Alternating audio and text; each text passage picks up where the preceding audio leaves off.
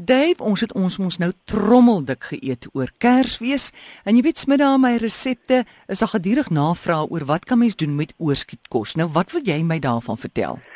Hallo Amore, weet jy ek spandeer mos 3 kwart van my lewe op vliegtye waar ek sit soos 'n bonsai want ek is lank, jy verstaan en ek kan nie hmm. bekostig om voor te sit nie. Maar nou kom hulle met skinkbordjies vol drek Jy weet dit is alles ek dink dit is alles deel van die kleed van Turin wat hulle stukken gesny het en dan net bietjie warm maak vir jou. Jy kan dit mos nie eet nie. Nee, jy kan nie. Maar dan amore, ongeag van wat jy eet, word daai skinkbord met vol jogurt, met vrugtesap, met onoopgemaakte sneesies in die rommelsak gegooi. Alles, letterlik alles word weggegooi. Ek sien eh, 'n uh, dag of 3 gelede op um, op Oliver Tambo toe 'n vliegtuig skoon gemaak word, dit is 'n vragmotor wat die kos kom haal wat hulle gaan weggooi. En toe ek 'n bietjie begin dink, jy weet dat die weggooi van kos en verpakking het natuurlik 'n reuse uitwerking op die omgewing, soos jy kan dink. Daar is eintlik twee elemente hier aan. Die ekonomiese element, wat kos dit om dit te verpak en wat kos dit om weg te gooi uiteraard? En dan natuurlik vir my belangrik 'n omgewingselement. Nou kom ons kyk 'n bietjie na die ekonomie daarvan. Die eerste ding, hoe minder jy weggooi, hoe minder moet jy na die stortingsterrein ry met brandstof. Die, die, die volume word eenvoudig minder. Dit is minder rioleringskoste as jy dit goed nou in die toilet afspoel of waar ook al. Maar dit beteken riolering beteken water, water beteken pompe, pompe beteken elektrisiteit.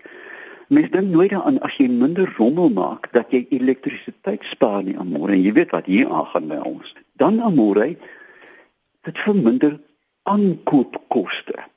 Dink hospitale, universiteite ensovoorts.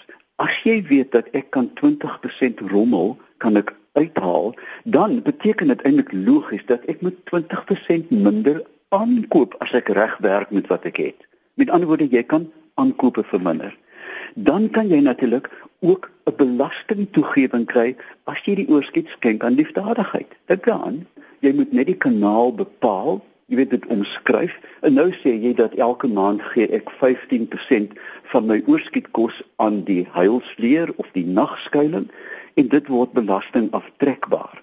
As jy genoeg daarvan genereer, soos byvoorbeeld die universiteit, kan jy kompos maak en dit verkoop en dis presies wat hulle nou doen hoë kwaliteit kompos wat die aarde weer eens verryk. Maar dan die omgewingsimpakte dink 'n mens ook aan. As jy kompos maak, is daar verhoogde grondvrugbaarheid. Uiteraard. Daar's minder vliee amore, dink 'n bietjie daaraan, peste, plaae, vure en die stortingsterrein word um, optimaal gebruik. Nou, laastens dink ek amore met mens net gou kyk na rangorde. Die rangorde by herverbruik is begin by die bron beter beplanning. Fyn beplanning beteken minder weggooi. Voed honger mense, voed honger diere.